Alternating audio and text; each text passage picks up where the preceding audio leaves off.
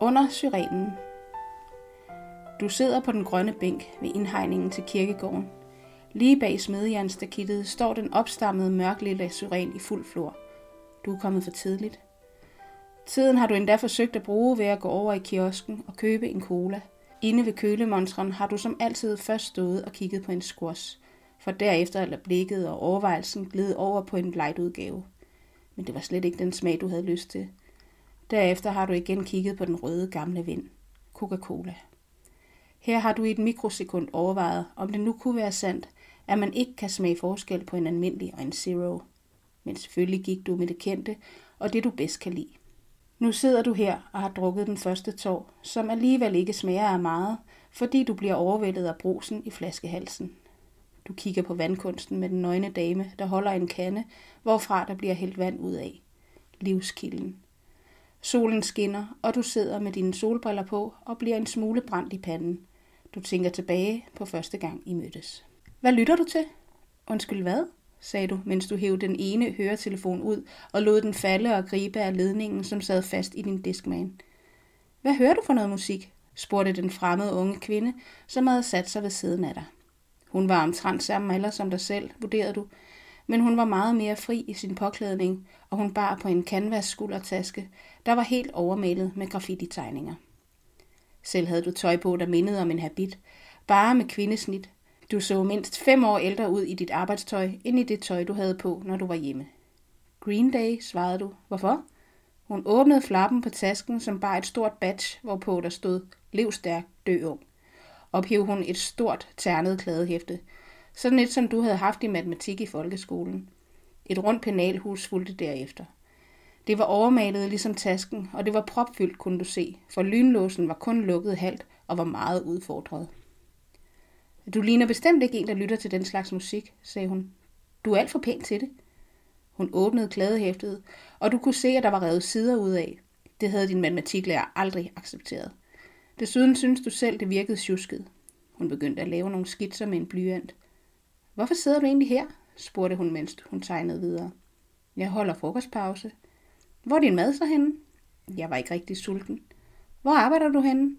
Du tænkte, hun var alt for nysgerrig, men du havde alligevel lyst til at svare. Det var som om hun ville dig noget, og kunne drage en konklusion om dig, ud fra de svar, du gav hende. Der, du pegede over på banken, som lå i den modsatte ende af torvet. Jeg er elev derovre. Hm, sagde hun bare, som om det var hende helt ligegyldigt, selvom hun selv havde spurgt. Hvad laver du selv? spurgte du. Hun måtte da give et eller andet tilbage til dig. Lever og tegner, svarede hun bare. Må hun var studerende på kunstakademiet, eller må hun bare var en moderne hippie? Du havde ikke rigtig mod til at spørge. Hun begyndte at rode i penalhuset og tog den ene farveblyant, tus og blyant op efter den anden, og det hele lå og rode oven på tasken. Er du glad? Du synes, det var et meget personligt spørgsmål at stille, og vidste ikke rigtigt, hvad du skulle svare. Er du?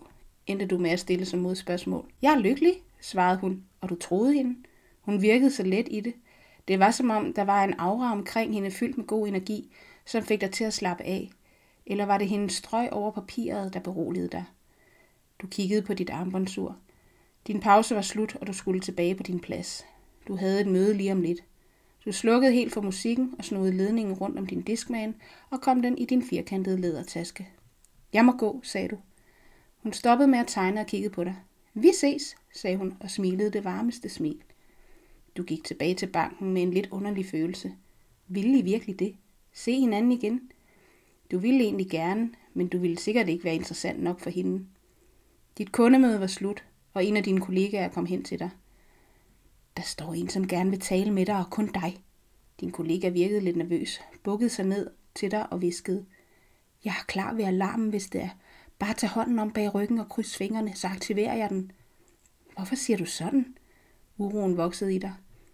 Hun står med et afredet papir. Måske det er et røveriforsøg. Du kunne ikke se, hvem der ventede på dig om bag ved skranken, fordi der var en søjle i vejen for dit udsyn. Du rejste dig en smule bange og gik op mod en ventende kunde. Det var hende, den unge kvinde fra bænken. Du vendte dig om mod din kollega og rystede på hovedet. Du vidste, der ikke var nogen far på fære. Hun smilede til dig, og hendes øjne næsten lyste hele rummet op. Det smittede, og du blomstrede også op midt i den grå bank. Den er til dig. Hun rakte mig den tegning, hun tidligere var begyndt på, efter hun havde spurgt mig ind til min musik. Det var en farvestrålende tegning, hvor der i midten stod Green Day, og udenom den var der tegnet noder, blomster, LP'er, bomber og eksplosioner. I hjørnet var der skrevet et utydeligt navn og et meget læseligt telefonnummer. Hvis du ønsker lidt kulør på hverdagen, så ringer du bare, sagde hun og drejede om på hælene. Tak, nåede du lige at sige højt efter hende. Du tager en tår mere af colaen, finder din mobil og Airpods frem, åbner Spotify og finder Green Days gamle hit When I Come Around. Du trykker play, og straks ser du hende for dig. Meget har ændret sig for dig, siden I mødte hinanden for 30 år siden. Du arbejder ikke længere i banken, heldigvis. Du ville være visnet helt væk. Nu arbejder du med bolig og indretning. Du er kreativ og lever faktisk af det. Du fik det skub af hende. Skubbet til at tro på, at du kunne mere end blot følge andres forventninger og samfundets strøm. Du kunne få lov at være dig. Du smækker benene op på bænken og får rigtig slappet af. Vær til i nuet, selvom du er kommet for tidligt. Det lærte hun dig. Tegningen havde du valgt at sætte i ramme og hænge op i din lille lejlighed. En dag du skulle i byen med nogle veninder, og i holdt forfesten hjemme hos dig, kommenterede de på den. Den skilte sig ud fra alt andet pynt, du havde i lejligheden. Det var her, du fik lyst til at ringe til hende. Det var første gang, du havde mod til det, fordi du også havde fået lidt at drikke. Hej! Telefonen blev taget næsten med det samme. Du var usikker på, om det var hendes stemme. Øh, jeg ved ikke, om du kan huske mig, startede du lidt usikkert. Men du gav mig en tegning inde i banken. Endelig ringer du? Hun var helt glad, som om hun bare havde ventet på, at du skulle ringe til hende. Jeg tænkte, om du havde lyst til at mødes. Det havde hun. I aftalte at mødes dagen efter på bænken.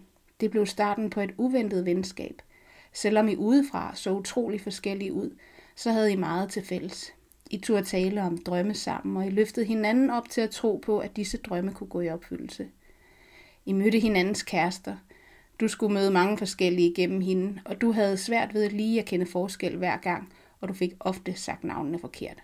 Hun grinede bare, selvom du stod og krummede tær ved hver en lille fejltagelse. Det ville også være meget nemmere, hvis de alle hed Asker, sagde hun en dag. Det var et neutralt navn, ingen af dem havde heddet. Men fra den dag af, så omtalte I alle kærester som Asker. Også dine. Selvom der var en del færre at holde styr på, og du havde forhold, der holdt i lang tid. Hun var en virvelvind i dit liv. Når du troede, du havde styr på det hele, så kom hun og pustede til dine grænser og holdninger. Aldrig på en dårlig måde, men hun åbnede ligesom dine øjne helt forsigtigt, skridt for skridt. Men en dag kom hun til dig og sagde, Nu skal du snart kunne klare dig selv. Hvad mener du, spurgte du. Jeg skal videre.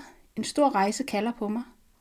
Hun virkede nysgerrig og spændt, men der var alligevel noget, en lille sky, som hang over hende. I sås ikke så tit mere, som da I var helt unge, for du havde fået mand og børn. Hverdagen fyldte meget, men I vidste altid, at I havde hinanden. Hvor skal du rejse hen? Mod det uendelige univers. Hun smilede stadig, for det var taget ud af din søns yndlingsanimationsfilm, men en tårer trillede ned af hendes kind. Kirkeklokkerne begynder at ringe. Det er en smuk dag. Du har taget dit mest farverige tøj på, for det er det, hun ville have ønsket. Du rejser dig, stiller dig op på bænken for at dufte til surenens bløde blomsterduft. Du tager en saks op af tasken og klipper tre blomster af. Det må man sikkert ikke, men du er ligeglad. Dem skal hun have med. Inden i kirken sidder en masse farverige mennesker, og virkelig mange ved navn Asker. Også din.